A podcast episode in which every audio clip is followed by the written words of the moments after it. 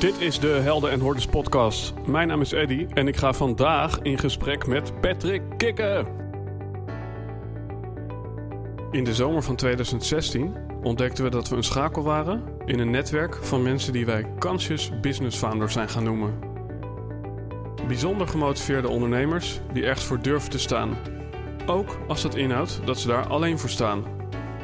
Die 200% toewijding willen geven voor 1% groei en zeggen: Dit ben ik en dit is mijn bijdrage aan een meer gebalanceerde wereld. Helaas kon je niet bij al deze gesprekken aanwezig zijn. Daarom hebben we die bijzondere verhalen voor je samengebracht in deze podcast. We wensen je veel luisterplezier, maar belangrijker nog, we hopen dat jij de volgende stap gaat zetten in jouw avontuur.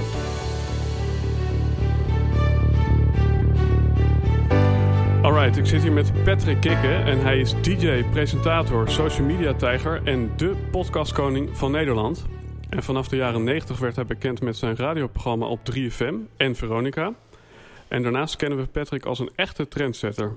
Zo bedacht hij de entertainmentwebsite kick.com, ontwikkelde hij een van de eerste podcasts van Nederland en liep hij voorop met het op grote schaal humorfilmpjes delen via WhatsApp. Cool. Voor mij is dit misschien wel de meest bizarre podcast tot nu toe. Oh, waarom? Omdat ik nog een uur, nou, een uur geleden, toen luisterde ik jou nog uh, uh, via mijn iPhone, omdat jullie podcast van jou en Paul, Paul Smit, dat, uh, dat liep synchroon. Meteen even getest of de speakers te doen.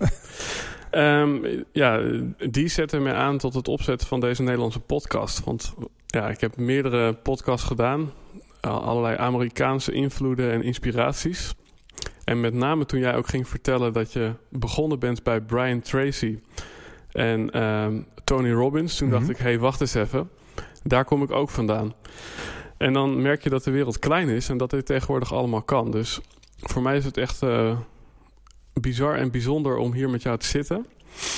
Ja, nou leuk om hier te zijn en leuk om te horen dat praten over bewustzijn, want zo heet die podcast met Paul Smit, jou en jullie zo geïnspireerd heeft. Mm -hmm. Doet mij ook deugd.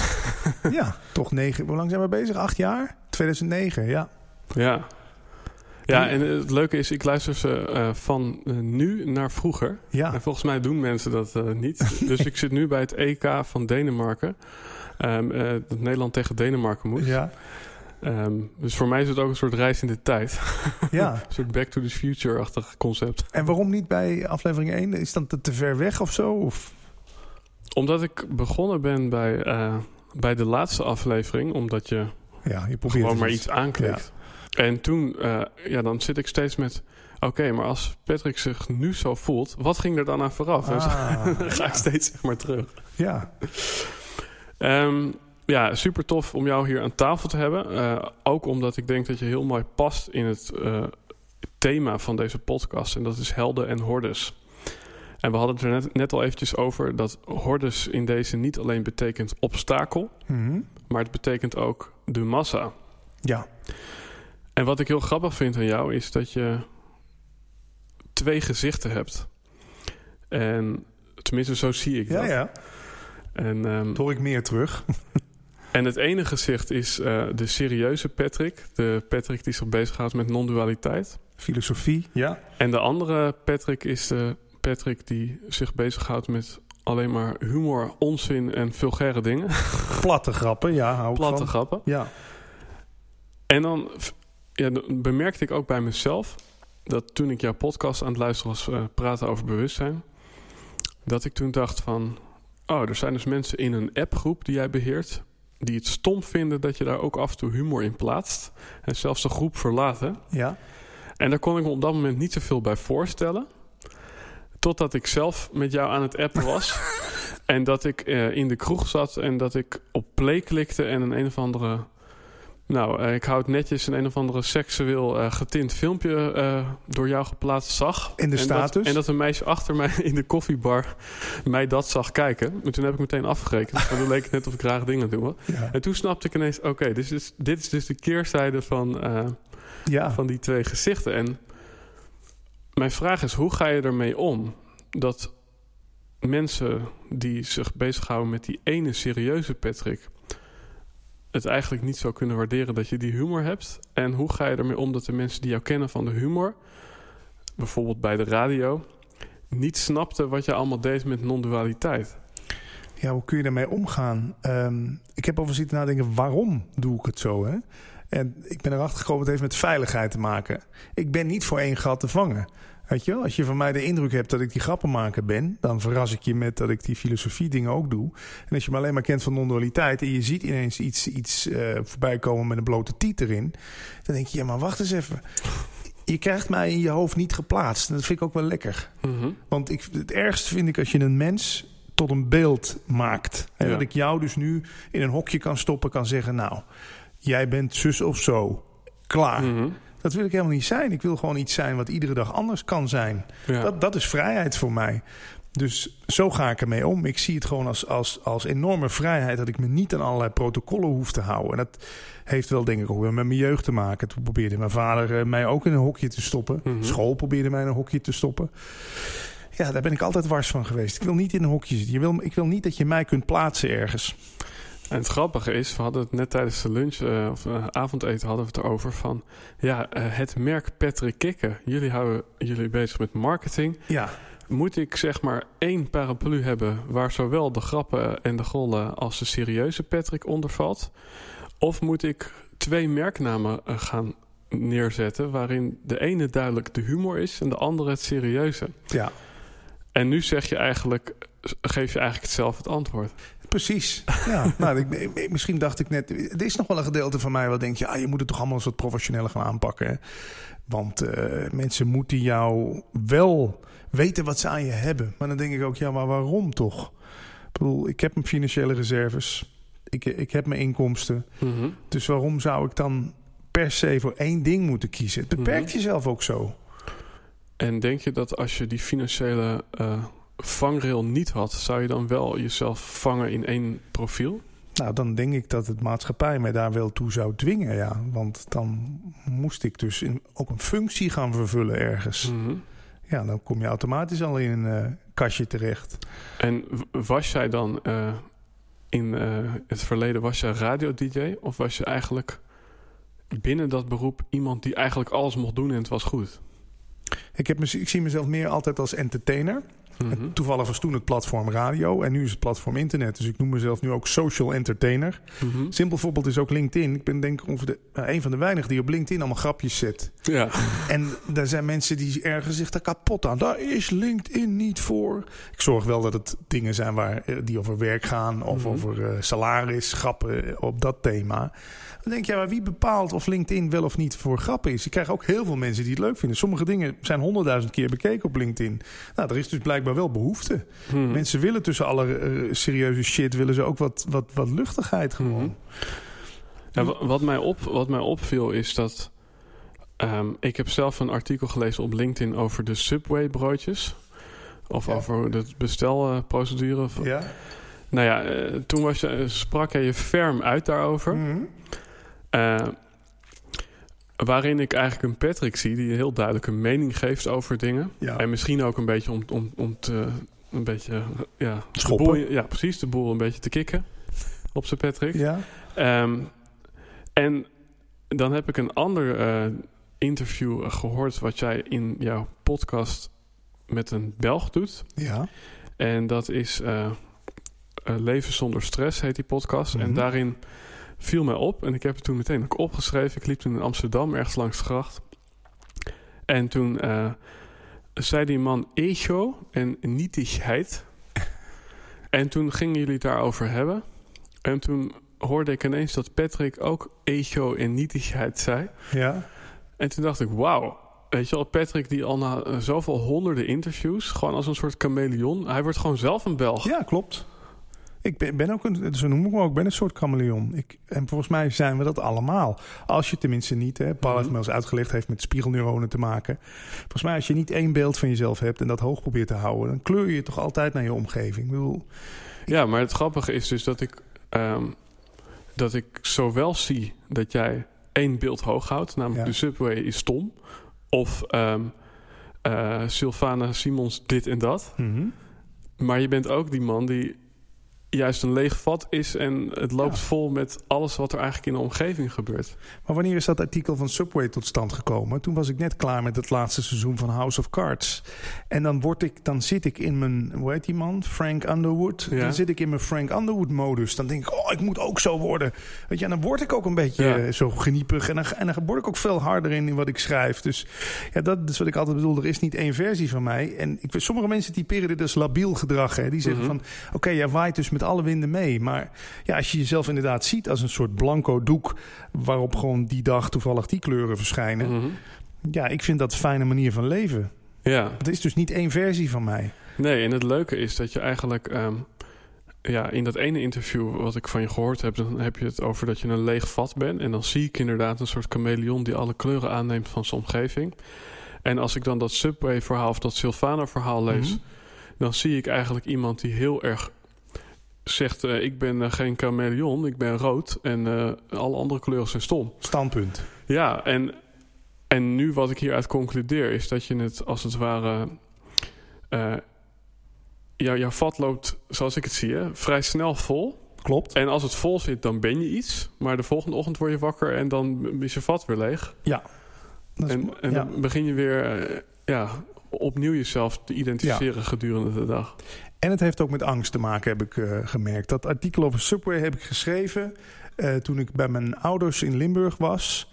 Waar ik de Subway uitliep en herkend werd door mensen. Hé, hey, daar loopt Patrick Kikker. Dat, is, dat mag je van me aannemen. Dat is een heel vervelend gevoel als mensen je herkennen. Dat, dat went nooit. En toen ben ik gauw mijn auto ingevlucht. Heb ik gauw de deurtjes van de auto dicht gedaan. En ik denk dat ik een paar uur later dat artikel over de Subway geschreven heb. Bijna als een soort uitlaatklep. Hij mij is geleerd, ook door zo'n zo'n aantal spirituele coaches die ik gesproken heb. Als je van een gevoel af wil, moet je het in de vorm zetten. Wat, Ja. doen, wat kunstenaars maken schilderij. Mhm. Iemand met liefdesverdriet schrijft een liedje. Wat doe ik? Ik ga met die frustratie van... En het kan best zijn dat ik het ook bij Subway gewoon... dat het bepaalde frustratie opriep. Dat ik daar lang moest wachten en honderden vragen op me afgevuurd kreeg. Want daar ging dat artikel mhm. over. Plus dat herkend worden was dus frustratie plus angst. Ik zit daarmee, ik pak mijn laptop. ik typ een column, ik zet hem op LinkedIn. En ik ben van mijn frustratie en angst af. Ja. En ja, zo zie ik wel... En geloof je, ehm, ik kan me ook voorstellen, daar heb ik het in een andere podcast een keer met iemand over gehad, dat het juist als katalysator kan werken. Dus wat aandacht krijgt, dat groeit. Dat, ja, dat, het zou ook kunnen. Eh, Want je ziet, de reacties daarop waren natuurlijk niet mals. Ik heb Mhm. ook zo'n artikel over bol.com geschreven. En dat is echt helemaal viral gegaan. En vooral de titel waarom over vijf jaar niemand meer iets koopt bij bol.com. En eh, dat was ook behoorlijk vanuit frustratie geschreven. Ik vond het ook helemaal niet zo'n goede column. Maar dan zie je ook wat je terugkrijgt aan reacties. Is vaak ook gefrustreerde mensen. En Mhm. ja, dat is een goede vraag. Denk je niet bij dan op de frustratie? Ja, mij helpt het wel om het even in de vorm te zetten. Mhm. Ja, Maar ja, als ik er nu over praat, voel ik wel ook weer een iets nog opkomen van... Ja, het grappige is, wat ik ook bij je zie, is... ehm, je, je bent echt mega actief met allemaal hele kleine dingetjes. Dus Mhm. je bent de hele tijd een beetje aan het prikken. Dus dan krijg ik weer een plaatje van je en dan krijg ik weer een plaatje van je en weer. Oh, twee keer in de week. Nou, eh, waarschijnlijk heb je daar zelf een agenda voor. Maar ja. eh, als je mij geen plaatje stuurt, dan kijk ik op Facebook en dan zie ik je daar. Ja, je, ja, je klopt. bent overal altijd. Maar daardoor is het, eh, draai je volgens mij de hele tijd het ventieltje van jezelf los. Dan loop je de hele tijd eventjes leeg, ja, zodat de druk niet te ver opbouwt. dat is mooi gezegd. Ja, en het is ook een soort, daar ben ik ook al achter gekomen. Als je maar even van je laat horen, dan is. Kijk, ik ben nu 43. Ik zit wel in een dikke midlife crisis, kan ik wel zeggen. Weet je, ik vraag me dagelijks af van wat heeft het eigenlijk voor zin allemaal? Over 40 jaar, als ik geluk heb, 40 jaar ben ik er niet meer. Wat heeft het dan allemaal voor een zin gehad? Nou, dat noemen ze midlife crisis. Mhm. Misschien dat dit wel mijn manier is van nog even laten zien van... eh, kijk, ik besta en ik doe, ik, ik doe er nog toe. Ja. ja, dat. En dat, dat, zullen veel mensen van mijn leeftijd denk ik herkennen. Dat je, op een gegeven moment heb je alles. Eh, Je hebt eh, alles uitgeprobeerd in de wereld. Mhm. Ja, wat dan? Ja, en dan zijn er heel veel mensen in deze podcast die zeggen... eh, ja, ehm, wat echt gelukkig maakt is iets wat groter is dan jijzelf. Ah, ja. En de ene noemt dat een missie. de ander die noemt dat een, een ideaal, een visie. Of eh, sommigen noemen dat zelfs religie. Is er een soort van rode draad te ontdekken door alles wat je doet? Heb jij een soort why, iets wat eronder ligt, wat je mensen wil meegeven of waar je de wereld mooier mee wil maken? Dat denk ik wel. Ik heb, ik heb dan een, uh, een tweetal burn-outs gehad. Ik heb zelf gemerkt hoeveel ik gehad heb aan gesprekken met Eckhart Tolle, Nederlandse leraren. Dus toen ben ik die podcast Leven zonder stress begonnen. Mhm. Interviews op YouTube. En ja, daarmee wil ik mensen wel laten zien, er is een andere mogelijkheid. En dan komen we al gauw op non-dualiteit. Dat lievelingsonderwerp waar we misschien nog later over gaan hebben. Nou, eh, wat ik vooral aan mensen wil laten zien is, neem het allemaal niet te serieus. Dat doe je met humor natuurlijk ook. Maar dat kan ook op de manier door met die non-dualiteit filosofie op de proppen te komen. Mhm. Neem jezelf en dus de wereld niet te serieus. Ik hoop ook dat je die indruk niet van mij hebt, dat ik de dingen te serieus neem. Ja, maar het grappige is, eh, dit heb ik niet, is niet per se een ervaring, maar je hebt ook wel eens in een interview gezegd, Ja. moet je kiezen tussen serieus of grappig. Oh ja, dat is waar ook. Ja. En toen koos je voor serieus. Ja. ja. Nou ja, ik vind in ieder geval een serieuze zaak dat je je niet serieus moet nemen. Daar wil ik best serieus over zijn. ik, denk dat, dat het een beetje, ik denk dat het in die vorm te vinden is. Ja. Maar is het niet ook zo dat iedere cabaretier juist een, ja, een, een best wel eh, diepe binnenwereld heeft? Dat, ja, de clown huilt van binnen, wordt dan wel eens gezegd. Hè? Ja, dat zal ook de reden zijn waarom ik zoveel met humor bezig ben. Dat ik die diepe dalen ook wel ken van Mhm. binnen. Ja. Dat, dat gebied waarvan je denkt, wow, maar daar gaan we even niet naartoe. Ja. Ja, en het grappige is nu je het zo beschrijft. Ik zag het altijd als twee verschillende dingen. De, de non-dualiteit, waar we het zo inderdaad over gaan hebben. En eh, de grappen- en grollenwereld. Ehm, maar inderdaad, je zou kunnen stellen dat de boodschap in beide gevallen hetzelfde is. Namelijk, eh, neem het leven niet te serieus. Je overleeft het toch niet. Ja, die, ja, precies die. Ehm, en dat is misschien de non-dualiteit. Ja. non-dualiteit, daar ga ik eh, nu eventjes op in. Ben je inmiddels zo ver na negen jaar dat je in één of twee zinnen kan zeggen wat dat is? Ja, ja dat, die vraag is natuurlijk vaker gesteld. Ik ben ook altijd wel benieuwd wat er dan voor een antwoord komt. Nou, dat, eh, precies hiermee zeg ik het eigenlijk al. Er is nu niemand die deze woorden kiest. Mhm. Weet je, deze woorden komen gewoon. Jij Mhm. zit toevallig met een telefoon waar, ook, waar je vragen op hebt voorbereid. Maar wat nu gezegd wordt, ik kan daar soms ook om grinniken en verbaasd om worden. Omdat ik ook, ik weet ook niet waar dit vandaan komt. Mhm. Ik verzin dit niet. Nee. Weet je, dit komt gewoon door je heen. En dan wordt er wel gezegd, ja, maar dit, dit zijn toch de teksten die jij bedenkt en daarna spreek je ze uit. Maar dat, ja, is dat werkelijk Mhm. zo? Komt niet alles gewoon door ons heen? Is, is het gewoon niet één ding wat doet alsof het interviewer en geïnterviewde is? Ja. En een microfoon en een tafel. Is, is dat niet allemaal één en hetzelfde? Paul, Paul Smit heeft het dan over één en dezelfde energie Mhm. in beweging. Mhm. Ja, mij geeft dat wel een geruststellende gedachte. Want als dat het geval is, dan mm, doe ik dus niet, maar dan word ik een soort van gedaan. Mhm. En kan ik dus ook niks fout doen, want ik doe niks. Ja. Dingen komen door mij heen. Ja. Ja, dat vind ik er zo leuk aan.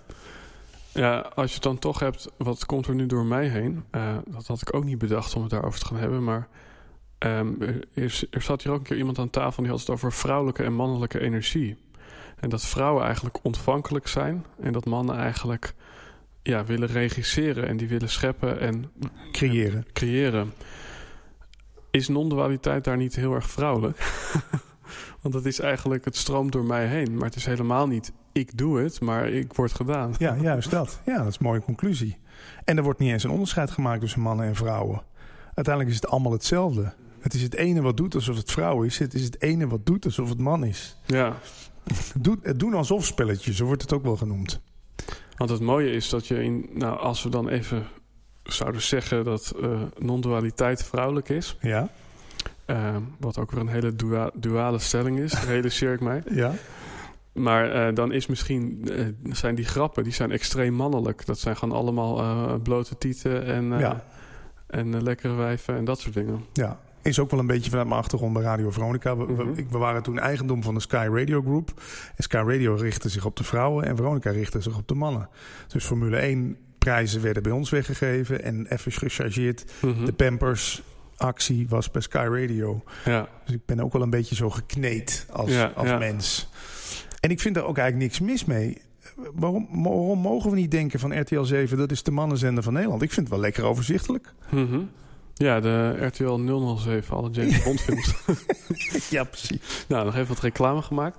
Uh, ik ben trouwens James Bond film voor, uh, voor de luisteraar. Je bent fan? Ja, ik ben echt wel fan. Oké, okay, cool. Wat is de beste James Bond film? Um, ik denk dat ik dan toch ergens, ergens blijf hangen bij... Uh, ja, misschien Goldfinger of zo. Oké, okay, wel de ja. classics. Ja. Het mooiste stuk is dat Sean Connery... Uh, die loopt naar de koelkast... En dan wordt ondertussen die vrouw uh, goud geschilderd en die overlijdt. Maar dan zegt Sean Connery... Uh, uh, die opmerking van jou die is nog stommer dan luisteren naar de Beatles. dat is in die tijd natuurlijk gewoon... Dat nou dan om het te nee. zeggen, nee. nee cool. Oké, okay, anyhow. Um, ja. is misschien wel een leuk bruggetje dit. Want nou, ik vind Sean Connery is wel een van mijn helden. Oké. Okay. Het is een soort combinatie van poëzie en, en stoer door elkaar heen, mm -hmm. zeg maar. Heb jij op dit moment nog helden? Zo, dat is een goeie. Hans Steeuwen, dat blijft een held. Vooral, ik, heb, ik weet niet of je zijn recente show gezien hebt op, uh, op Netflix. Real Ranker, in het Engels. Ja, gewoon echt buikpijn van het lachen gewoon. En, ik heb hem gezien. Ja, fantastisch. Maar ook daarna ging ik dus met mijn vriendin naar de macro. En ik zat nog in de Hans Steeuwen modus. We hebben nog net niet daar met spullen lopen gooien... en karretjes door de winkel heen duwen. Die man is zo grenzeloos. Dat, bre dat breekt iets open hè, bij je. je dat, dat, wat daar allemaal gezegd en gedaan wordt, dan denk ik, wauw man, dat is, daar komen we verder mee. Met iemand die dat allemaal durft te zeggen. Ja, dat is, dat is dan humor. En ook best wel eigengebruik. Ook fuck mm dik shit de hele tijd. Maar mm -hmm. ja, dat is voor mij grensverleggend. Ik bedoel, daarom kijk ik ook graag dat soort dingen. En ook wel uh, hele experimentele films. Waar ik denk, wauw, hier worden grenzen verlegd. Is er nog iemand die uh, in je opkomt? Na Hans Steeuwen? Ja, dat is een oude man, Frans Bromet. Ik weet niet of je die nog kent. Dat is die documentairemaker die altijd zo... Dan gaat hij praten bij burenruzie. Zegt hij, dus u heeft ruzie met de buren. Oh, hoe komt dat dan?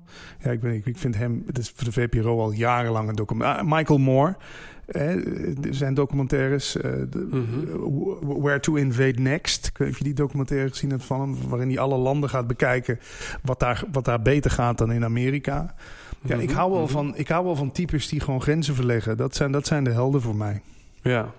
En nou ja, uh, voor de luisteraar, uh, die zit nu al te grinniken. Want we stellen deze vraag eigenlijk altijd. Ja. Omdat de conclusie hierbij is wat je zegt bij jezelf. Oh. Um, het, is namelijk zo, het is namelijk zo eigenlijk... Uh, je bent, ja, ben je Michael Moore? Dat is een beetje groot. Maar wat je dan bij, noemt bij Hans Steeuwen van... Dat hoe, grenzeloos is. Dat grenzeloos en gewoon maar zeggen wat je wil. En ik denk, ja, Patrick, dat ben jij. dat ben jij gewoon. Ja, ja, ja. ja. Dat is een mooie vergelijking. En um, ja, eigenlijk uh, alle eigenschappen die je daarna noemde... Ja, denk er nog maar eens over na. Maar dat, dat okay. ben jij volgens mij. Mooi, thanks. Het is nooit zo bekeken. Ja, het is allemaal herkenning. En inderdaad, uh, Hans Steeuwen heeft mij ook geholpen... om nog meer mezelf te kunnen zijn, inderdaad. Ja. Ken je hem ook? Ik heb hem uh, één keer in de studio gehad. Mm -hmm. Echt fantastische uitzending mee gehad. Ja. En nog wel af en toe uh, heb ik wel eens op via Twitter. Ik weet niet of het echt is op Twitter. Koning Hans. Maar daar zit ik wel eens mee te twitteren. dat is ook wel bizar. Ja.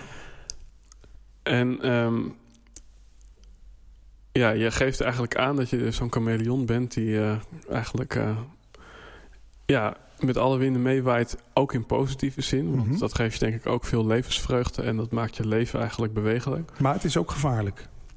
Mm -hmm. Want als je, stel je zou mij in een setting zetten met criminelen, heb ik ook wel eens over zitten nadenken. Ik denk best wel dat als ze zeiden: ah, kom nou mee, we gaan de bank overvallen. Maar dan moet je, je moet alles in je leven een keer gedaan hebben. Dat mm -hmm. ik echt wel, voor die weet, sta ik op de uitkijken omdat ik gewoon denk, ja, dat is toch eigenlijk wel waar. Het mag niet, maar het is wel spannend. Ik bedoel, Breaking Bad, die serie mm. hè, van die ja. scheikundeleraar die drugs gaat verbouwen. Ja, daar heb ik ook zo van genoten. Waarom? Ik, zie, ik, ik weet dat het met mij ook zo kan gebeuren. Ik heb nu dan nog mijn financiële reserves. Maar als ik ooit zonder geld kom te zitten... Mm -hmm. en iemand zegt tegen mij, ik heb een goed plan. Het is een beetje op het randje, maar ik heb een, een, een programmaatje. Daarmee kunnen we bij ING inloggen. En dan halen we gewoon bij alle rekeningen 50 eurocent eraf. Maar dan hebben we een half miljoen. Mm -hmm. Ja, ik weet niet of ik daar nee op zou zeggen. Echt niet. Ja, nou ja, ik, kijk, ik, ik uh, heb een heel mooi boek wat ik nu... Uh, dames en heren, beste luisteraar, dit is eventjes een advertisement.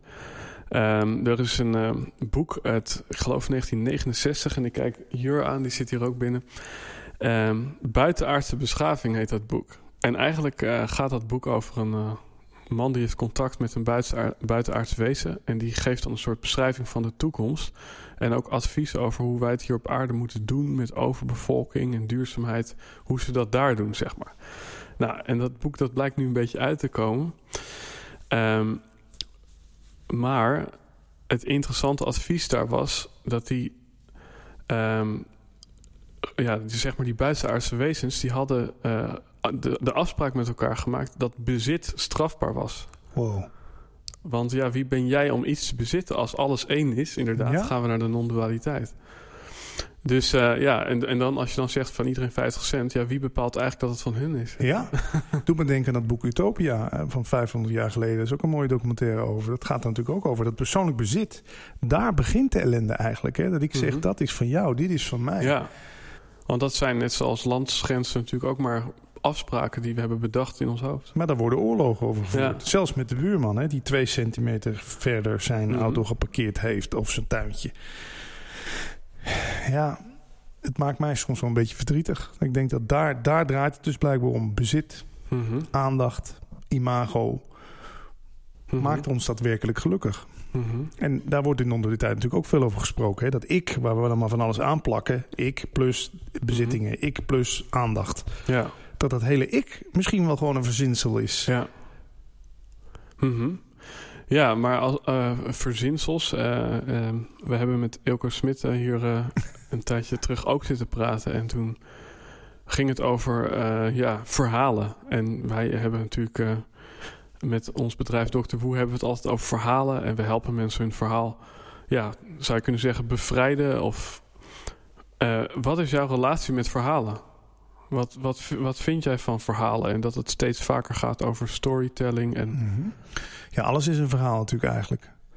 Patrick Kik is ook een verhaal, weet je Mhm. wel, op papier. Pak Wikipedia maar en dan staat er een verhaaltje van wat ik dan allemaal zogenaamd gedaan heb. Mhm. Maar ja, ben ik dat nu nog? En ben Mhm. jij jouw verhaal? Veel mensen eh, denken dat ze hun verhaal zijn. Ja. Hè?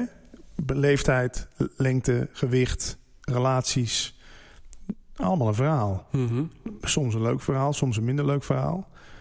Maar ja, dat verhaal zal toch ergens in geschreven moeten worden. En misschien ben jij wel dat waarin het verhaal geschreven kan worden. Ik wil niet te poëtisch worden, maar hè, dus het, het filmdoek waarop een verhaal, de film, geprojecteerd kan worden. Mhm. Ja, nou ja. Ik vind dat wel een lekker uitgangspunt. Ook al blijkt van die hele non-dualiteit niks waar te zijn. Ik vind het een heel lekker werkbaar model. Mhm. Maar het, het mooie is ook dat eigenlijk ehm, het, het komt pas tot leven als je het dus in een vorm giet. En dat is misschien wat wij ook wel doen. We helpen mensen niet alleen aan hun verhaal, maar we maken er ook vaak een Ja, mooie pagina ja. op het internet van. Ja. En daar zit ook de, het trots, weet je. Je hebt eraan gewerkt en je, je zet het neer. Ehm, ja, want het grappige is... ehm, eh, ja, verhalen hebben dus ook weer vanuit non-dualiteit misschien wel gezien... hebben dus ja, twee kanten. Je kunt eh, met verhalen kun je ook eh, sectes oprichten... en je kunt met verhalen dus ook ehm, rijk worden of... eh, Mhm. of ja, ontroerd worden. Eh, Wat is het verhaal van Patrick Kikker? Wat, wat deed Patrick Kikker graag als kind? aandacht trekken. Ja, dat is wel duidelijk. Ik reed al met zo'n fiets rond met van die kaarten tussen de spaken. Dat kon je met wasknijpers kaarten aan je fiets dinges vastmaken. En dan hoorde iedereen dat jij door de buurt aan het fietsen was. ja, en ik was eh, op de lagere school meestal de beste van de klas. Dat was natuurlijk ook fijn, want dan kreeg je ook aandacht. En ik hoefde daar niks voor te doen. Dus ik ben wel heel lang een aandachttrekker eh, geweest. En toen kwam ik ook achter, aandacht is liefde. Ik ben dus eigenlijk gewoon een soort, soort eh, ju- liefdesjunkie... die, die eigenlijk Mhm. van alle kanten liefde wil. En toen heeft zo'n Advaita-leraar, non-dualiteit, ander woord daarvoor... wel eens uitgelegd, wij zijn liefde op zoek naar zichzelf. Dus ik wist waarschijnlijk als kind al van... wacht eens even, ik ben liefde. Maar op een gegeven moment wordt mij verteld dat ik Patrick ben...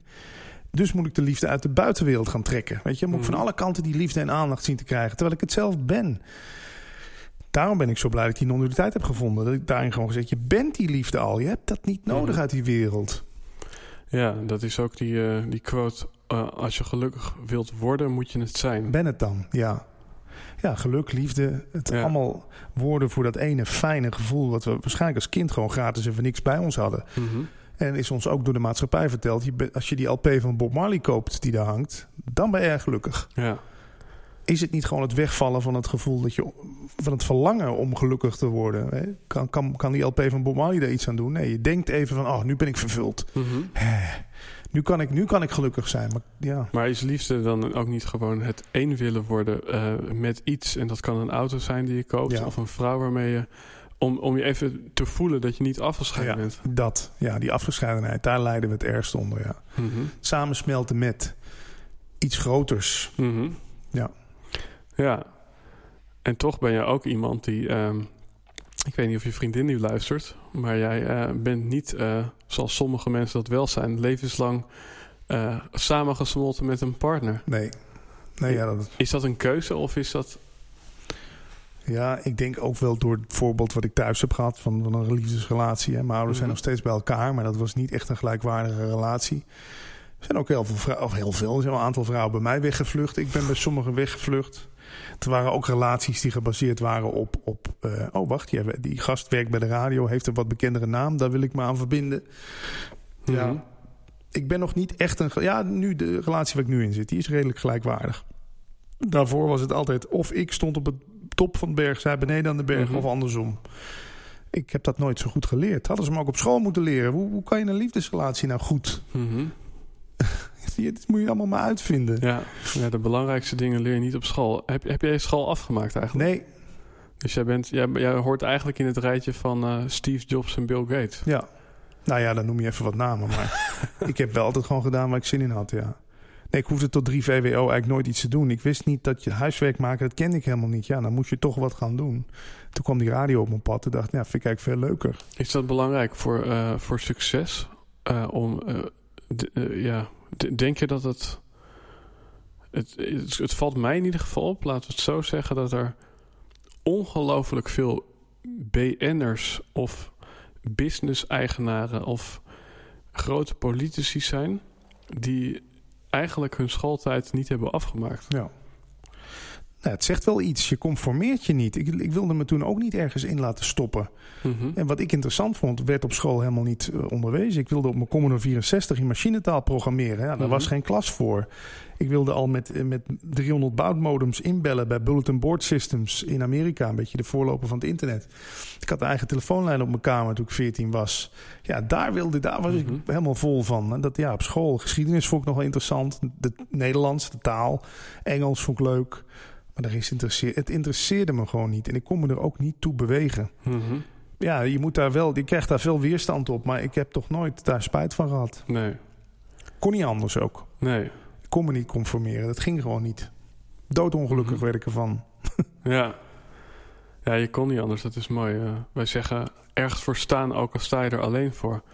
Ja, dat, dat, maar je moet het wel durven. Mhm. En je krijgt veel weerstand. Thuis ook. Van mijn vader, die altijd zei... "Ah, jongen, als jij zo doorgaat, wordt toch niks met je. Ja, toch een huis kunnen kopen van spaargeld. Kan niet iedereen zeggen. Zeg ik dan tegen hem Mhm. nu. Maar ja, dat wist hij toen ook niet. Maar ben je dapperder geworden?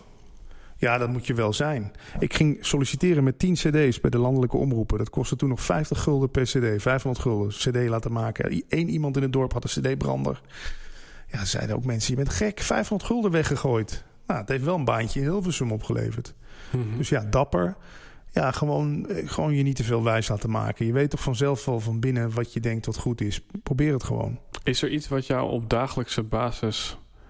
eh, Brian Tracy, eh, die had het over morning rituals. Dus ochtendrituelen. Zijn er dagelijkse rituelen... waardoor jij één, niet zo makkelijk... ja, als een chameleon met de verkeerde mensen eh, in- in flow raakt... Of ehm, ja, dat je om kunt gaan met eh, de hordes mensen, maar ook wel de obstakels in je leven. Is, is er een anker voor jou? Documentaires zit- is het eerste wat me te binnen schiet. Ik begin de dag altijd met een goede documentaire. Mhm, de aandacht ook even verleggen van jou bij iets op een beeld. mhm, En dan zijn het soms documentaires heel schrijnend over gehandicapte mensen. Eh en van een gehandicapte kunstenares was laatst op tv, die eh, helemaal internationaal is doorgebroken. Eh, die, het verhaal over die witte helmen in Syrië, die mensen die daar achterblijven om mensen onder dat puin. af- En dan geeft me dat ook zo'n gevoel van: wauw, wat, wat heb ik het toch eigenlijk goed ook. mhm. Weet je, als je ziet van hoe andere mensen op de wereld leven. Ja, dat maakt me heel nederig. En dan is wat ik zeg, het, het is niks lekkerder dan de aandacht van jezelf afhouden door hem hier te plaatsen. Mhm. Dus daarom doe ik dat interview ook zo graag. Ja. En documentaires kijken en inderdaad eh, je aandacht naar buiten richten. Want ik merk ook, zodra ik hem naar binnen richt, ja, ja dat is toch, Mhm. ja, dan, dan begint het circus. Ja. Dus zou je kunnen zeggen dat, dat het dan ook een verdoving is? Ja, zo, je zou kunnen zeggen het is afleiding, omdat je niet wil voelen wat er gevoeld wil worden. Dat Mhm. bedoel je misschien. Ja, het zou kunnen. Ik weet niet, ik heb, dit is wel mijn, mijn manier. En ja, ik, ja, het zou kunnen. Ik, hoop het niet natuurlijk. Mhm. Maar het zou kunnen, ja. ja ik, ik geef mezelf weinig tijd inderdaad om, eh, om echt eens te reflecteren. Daar ben ik niet zo goed in ook, me kut voelen. Dat is, dat is toch... Mhm. Ja dat, ja, dat is ook weer dat ego. Het is toch ego wat zegt, ja, plezier vergaren, pijn vermijden. Maar toch kan ik ook pijn... Ik heb dan liever pijn om iets wat ik op een scherm zie... dan pijn als het dan om mij gaat. Mhm. Ja. Ja. Wat, eh, ehm, wat ik me ook afvroeg is eigenlijk eh, non-dualiteit. Dus eh, alles is eenheid in beweging en jij gebeurt gewoon. Er is helemaal geen vrije wil, maar... nou ja, sowieso is het volgens mij niet zo'n populaire stroming. Want mensen willen gewoon horen dat ze aan de knoppen kunnen draaien. Ja. En dat als ze een krantenjongen zijn, dat ze later nog miljonair kunnen worden. Ja. En dat ze de ware, als ze die niet vinden, dan kunnen ze die kopen. Of Of huren, ja. ja. Is het zo dat je ook vanuit non-dualiteit eh, weer terug kan gaan naar de dualiteit? En ik ga er nog één eh, dingetje aan toevoegen. ja. Spannend. Dat zowel Leonard Cohen als David Bowie. En ik ben niet een hele grote muziekhistoricus. maar ik, ik weet toevallig dat zowel Leonard Cohen als David Bowie... die zijn op een gegeven moment in een soort retraite geraakt. Dus die gingen in een soort boeddhistisch klooster zitten. Beatles ook, hè?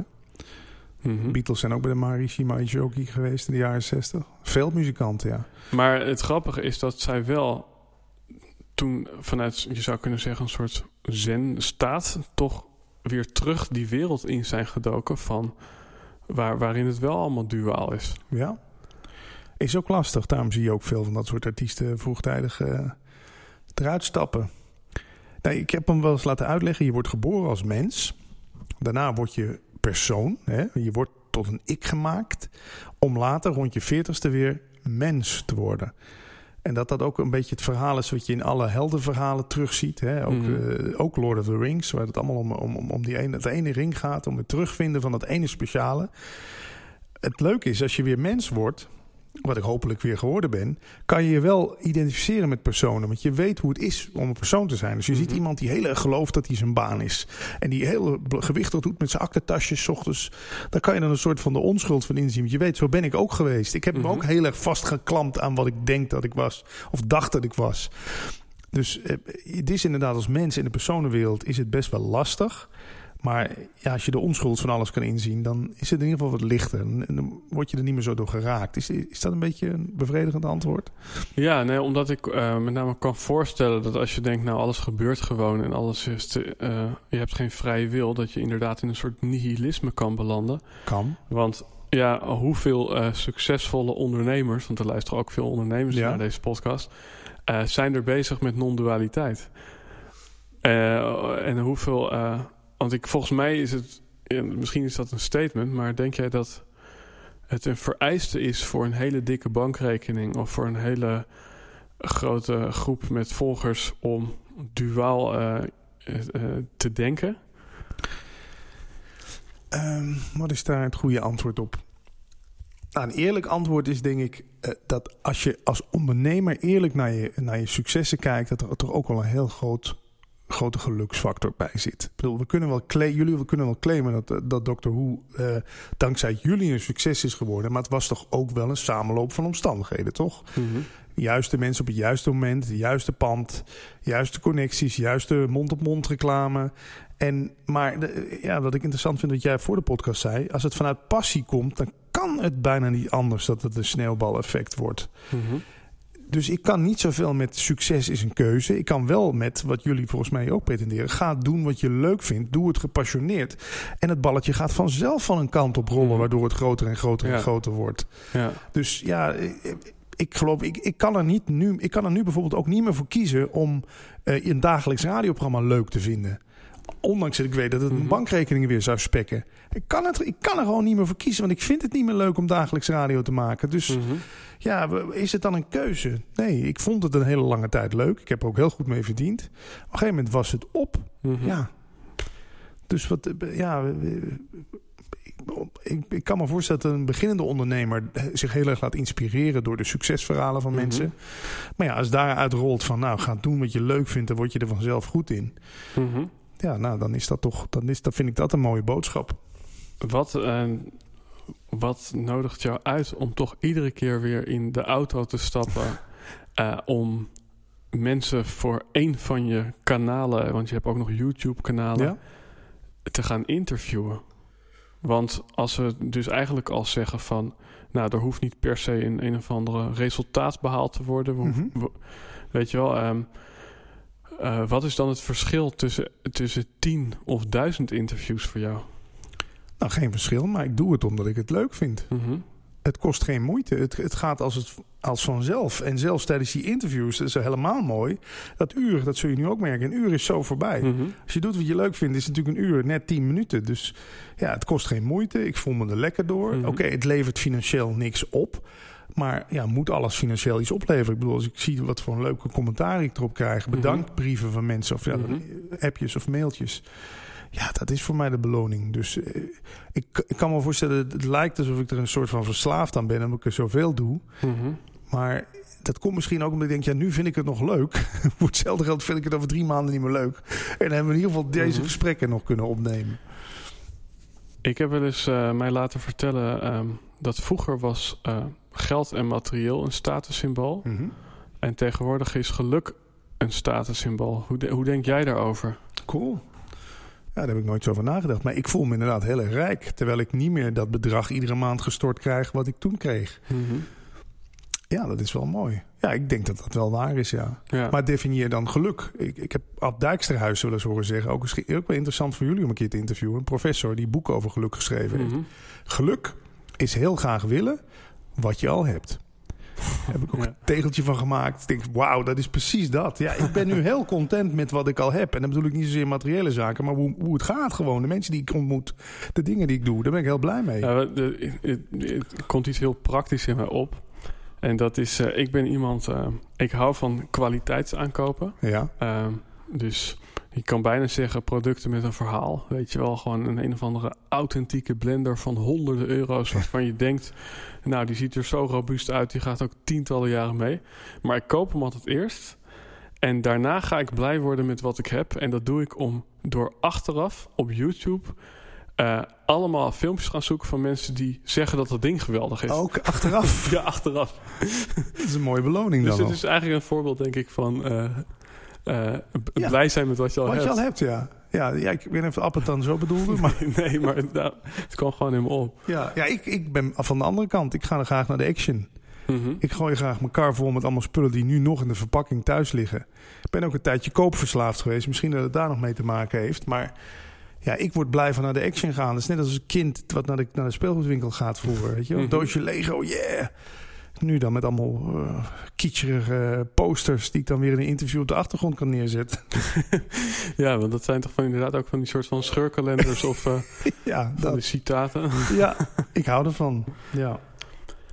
Is er iets, ehm we vragen ook wel eens, eh, als, er een, als je een billboard zou mogen plaatsen langs de snelweg, zo groot als een huis.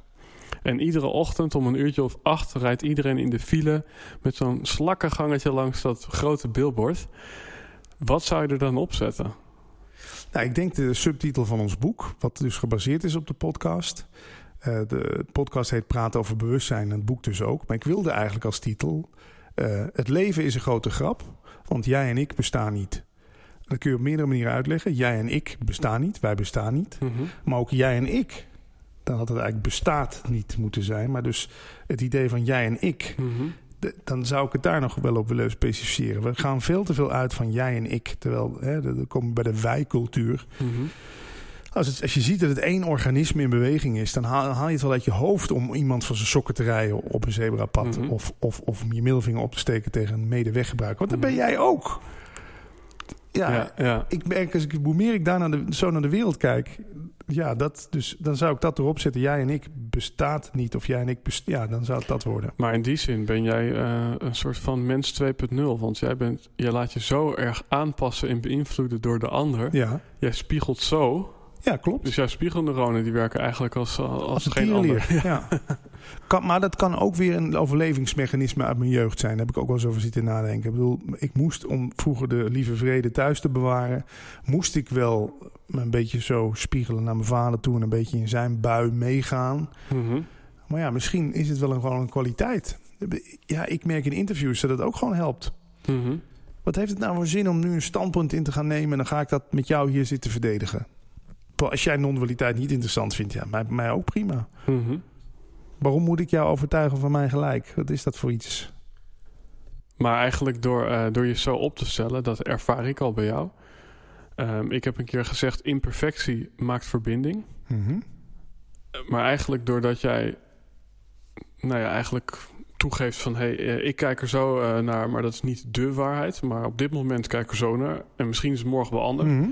Merk ik ook dat, dat, dat de ander eigenlijk heel erg makkelijk daarin eh, ja, zichzelf wordt. Ja, ja het, het werkt aanstekelijk. Mhm. Ja, want als ik mezelf mezelf helemaal laat zijn... in de zin van, ik, ben, ik, ik weet het ook niet... ik ben nu blijkbaar nu wat dit, dit, dit... ben ik nu gewoon dit gesprek met jou. En daar maak ik een onderdeel van uit. En het is een soort dans. Ik vind ook salsa dansen zo'n mooi voorbeeld. Mijn vriendin doet dan salsa dansen, ik niet. Maar ik heb er wel eens naar zitten kijken en dan denk ik... ja, dat is toch dat is eigenlijk het voorbeeld van hoe het in het leven het makkelijkst zou gaan. Zij laat zich leiden hè, door de mannelijke danspartner. En daardoor ontstaat een prachtig mooi dansend geheel. Wa- waarom moet, als daar twee mensen wilden leiden, dan werd het leiden met lange ei. Ik bedoel, wat, wat, wat, wat had dat dan nog voor een zin? Dus ik, ik, ik, ja, ik neem wel eens de leiding, maar ik laat me ook graag leiden. Ja, ik laat me gewoon leiden door het gesprek. Wat er zich aandient, dat is toch ook het fijnste wat er is. Mhm. Wat, ja, ik, ik- Ik heb een keer een quote, die heb ik via jou. En ik weet niet meer Oh, waar cool. jij hem van hebt. Maar dat was, als je jezelf jezelf eh, laat zijn... dan kun je de ander de ander laten zijn. Ja. Ja, ja, precies. Als ik niet van mezelf nog van allerlei eh, dingen eh, wil verbeteren of aan mezelf, dan zie ik je, als ik mezelf als perfect zie, dan zie ik jou toch ook als perfect. Mhm. Zonder arrogant te worden, maar ja, dan ben jij gewoon pre- precies de versie van wie, wie jij moest zijn. Mhm. Ja. Gewoon een Eddie. Mhm. Eddie zit gewoon te Eddieën, Eddieën hier. En Patrick zit hier te Patricken. En ja, zodra Eddie. Ja, maar zodra Eddie Patrick wil zijn, of Patrick Eddie wil zijn, of Eddie wil dat Patrick meer zoals Eddie wordt, ja, dan begint het gezeik. Mhm. Ik wil eventjes eh, eh, he- heel erg ver uitzoomen. Oh, cool. Als, eh, als we nou kijken wat er nu in de wereld gebeurt met, met Trump... dan zijn er allerlei mensen heel sceptisch en bang. En nou, dan zijn er natuurlijk ook mensen die denken... Hè, hè, eindelijk, revolutie, de boel gaat veranderen. Ja, Hoe kijk jij daarnaar? ja ook wel een be- ik, ik kan er ook wel een beetje bang van worden, maar ik, ja, ik kijk er ook niet zoveel naar. Dus Mhm. ik voelde wel dat moment toen ik wakker werd dat Trump de president van Amerika was geworden, voelde ik een soort collectieve verontwaardiging, angst. Wat what the fuck is nu gebeurd? Mhm. Maar eh, ja, het is ook wel waar je mee voedt. Ik bedoel, ja, ik, ik, is het kop in het zand steken als ik me er gewoon niet zoveel mee voed. Ik zie natuurlijk wat die man allemaal twittert. En denk, ja, dat is wel, als je het over 2.0 hebt, dat is presidentschap 4.0. Hè? Mhm. Gewoon alles wat je denkt, gewoon op Twitter flikkeren. Maar dan denk ik van ja, hij is eigenlijk wel, hij houdt ons wel een enorme spiegel voor. Want wat hij doet, doet de gemiddelde mens natuurlijk ook. Ja. De hele dag alleen maar zeggen wat je vindt op dat, op dat rot Twitter. Ja. Dus misschien is dat wel de functie van een Trump. Dat het, dat het zo groot in ons gezicht geduwd moet worden. Van kijk nou eens, dit is, jullie zijn allemaal, of de meeste zijn allemaal Trump in het klein op hun eigen social media kanalen. Mhm.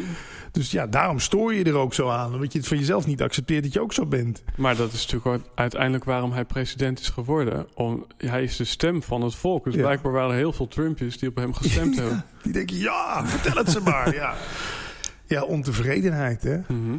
Ja, maar dat, eh, komt dat niet ook voort omdat jij in Amerika woont, wordt jou iedere dag verteld...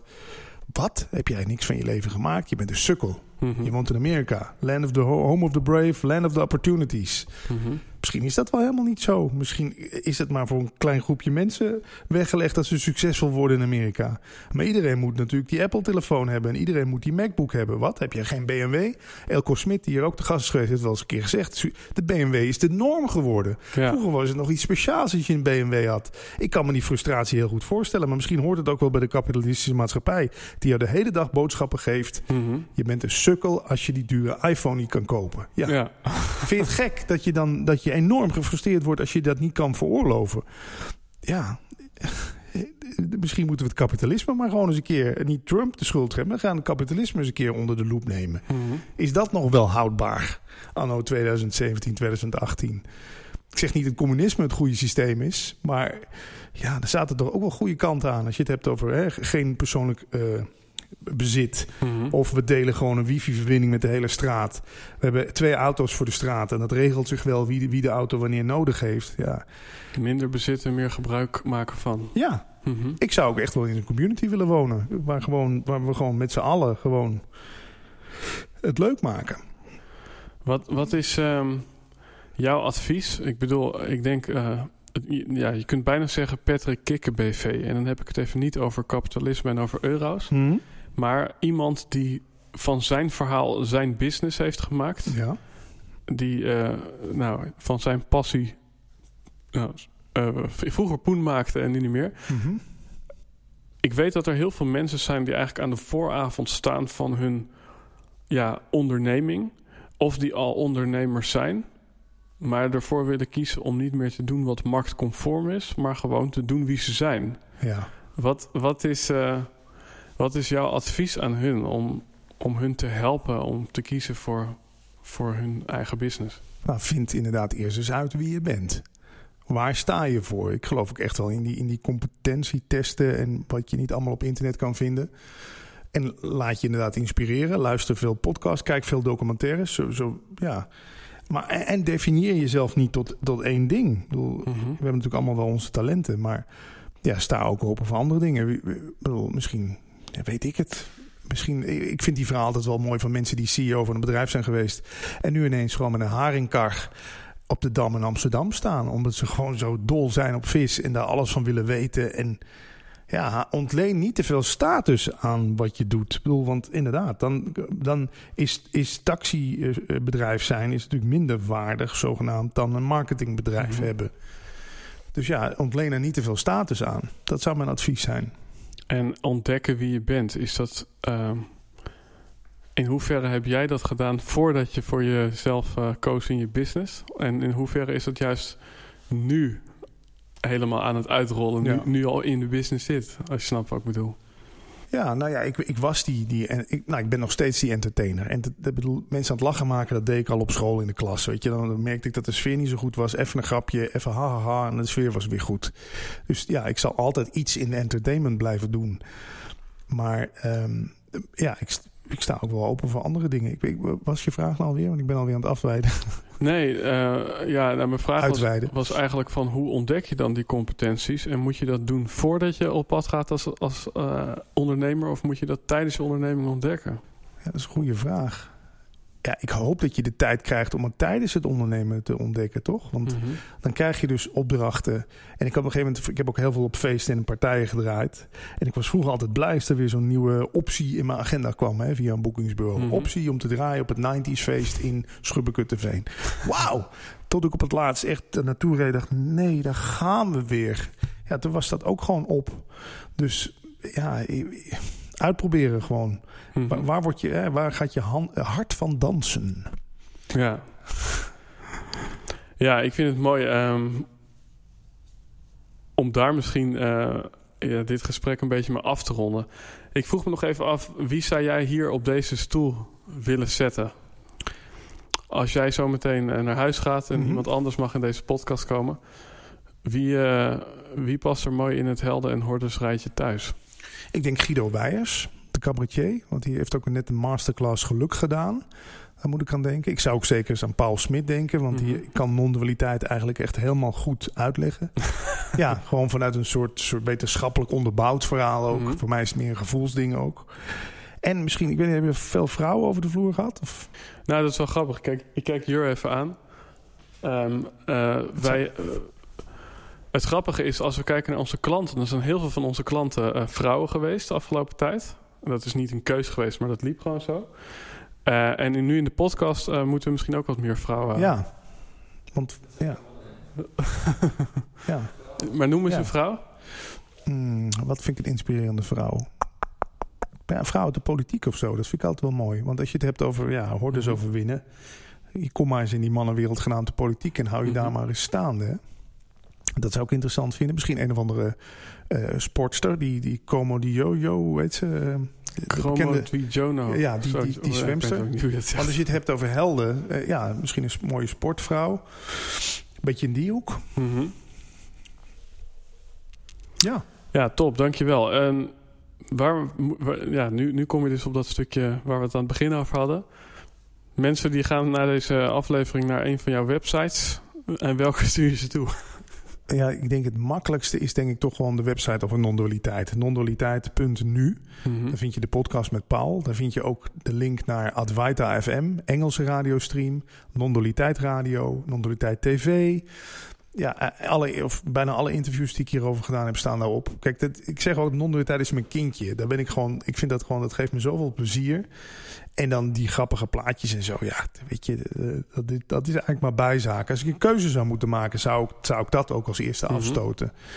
Want ik vind het leuk om mensen aan het lachen te maken. Maar als, je- als je mensen hiermee kunt raken... en een andere mogelijkheid dan de red race van alle dag kunt voorschotelen... dan is dat het. En mag ik er nog één ding aan toevoegen? Vaak denken Mhm. mensen, als je dus non-duaal gaat leven... wat helemaal niet bestaat... dat je er inderdaad niks meer doet. Je gaat alleen op de bank zitten en je denkt... nou, het zal, mij, zal mijn tijd wel duren. Maar het lijkt wel alsof je een soort van volledig geopend wordt. Dat er juist door jou heen allerlei idiote, gekke, leuke, krankzinnige ideeën komen. Weet je, dat je, je, je het schaft eigenlijk het beperkende denken af. Mhm. En dat is wat je toch wil. eh, Dat er Heb je dan het gevoel dat jij eh, door een soort ver- verlichting bent gegaan? Ik ben in ieder geval totaal getransformeerd. Ja, of dat verlichting is. Maar ik hecht aan, eh, totaal geen waarde meer aan dingen waar ik tien jaar geleden waarde Mhm. En toen dacht ik ook nog heel erg dat het alleen maar om die aandacht ging. En nu, of nou zo'n podcast tien keer of honderd keer beluisterd wordt... als er Mhm. maar één iemand die dit inspireert...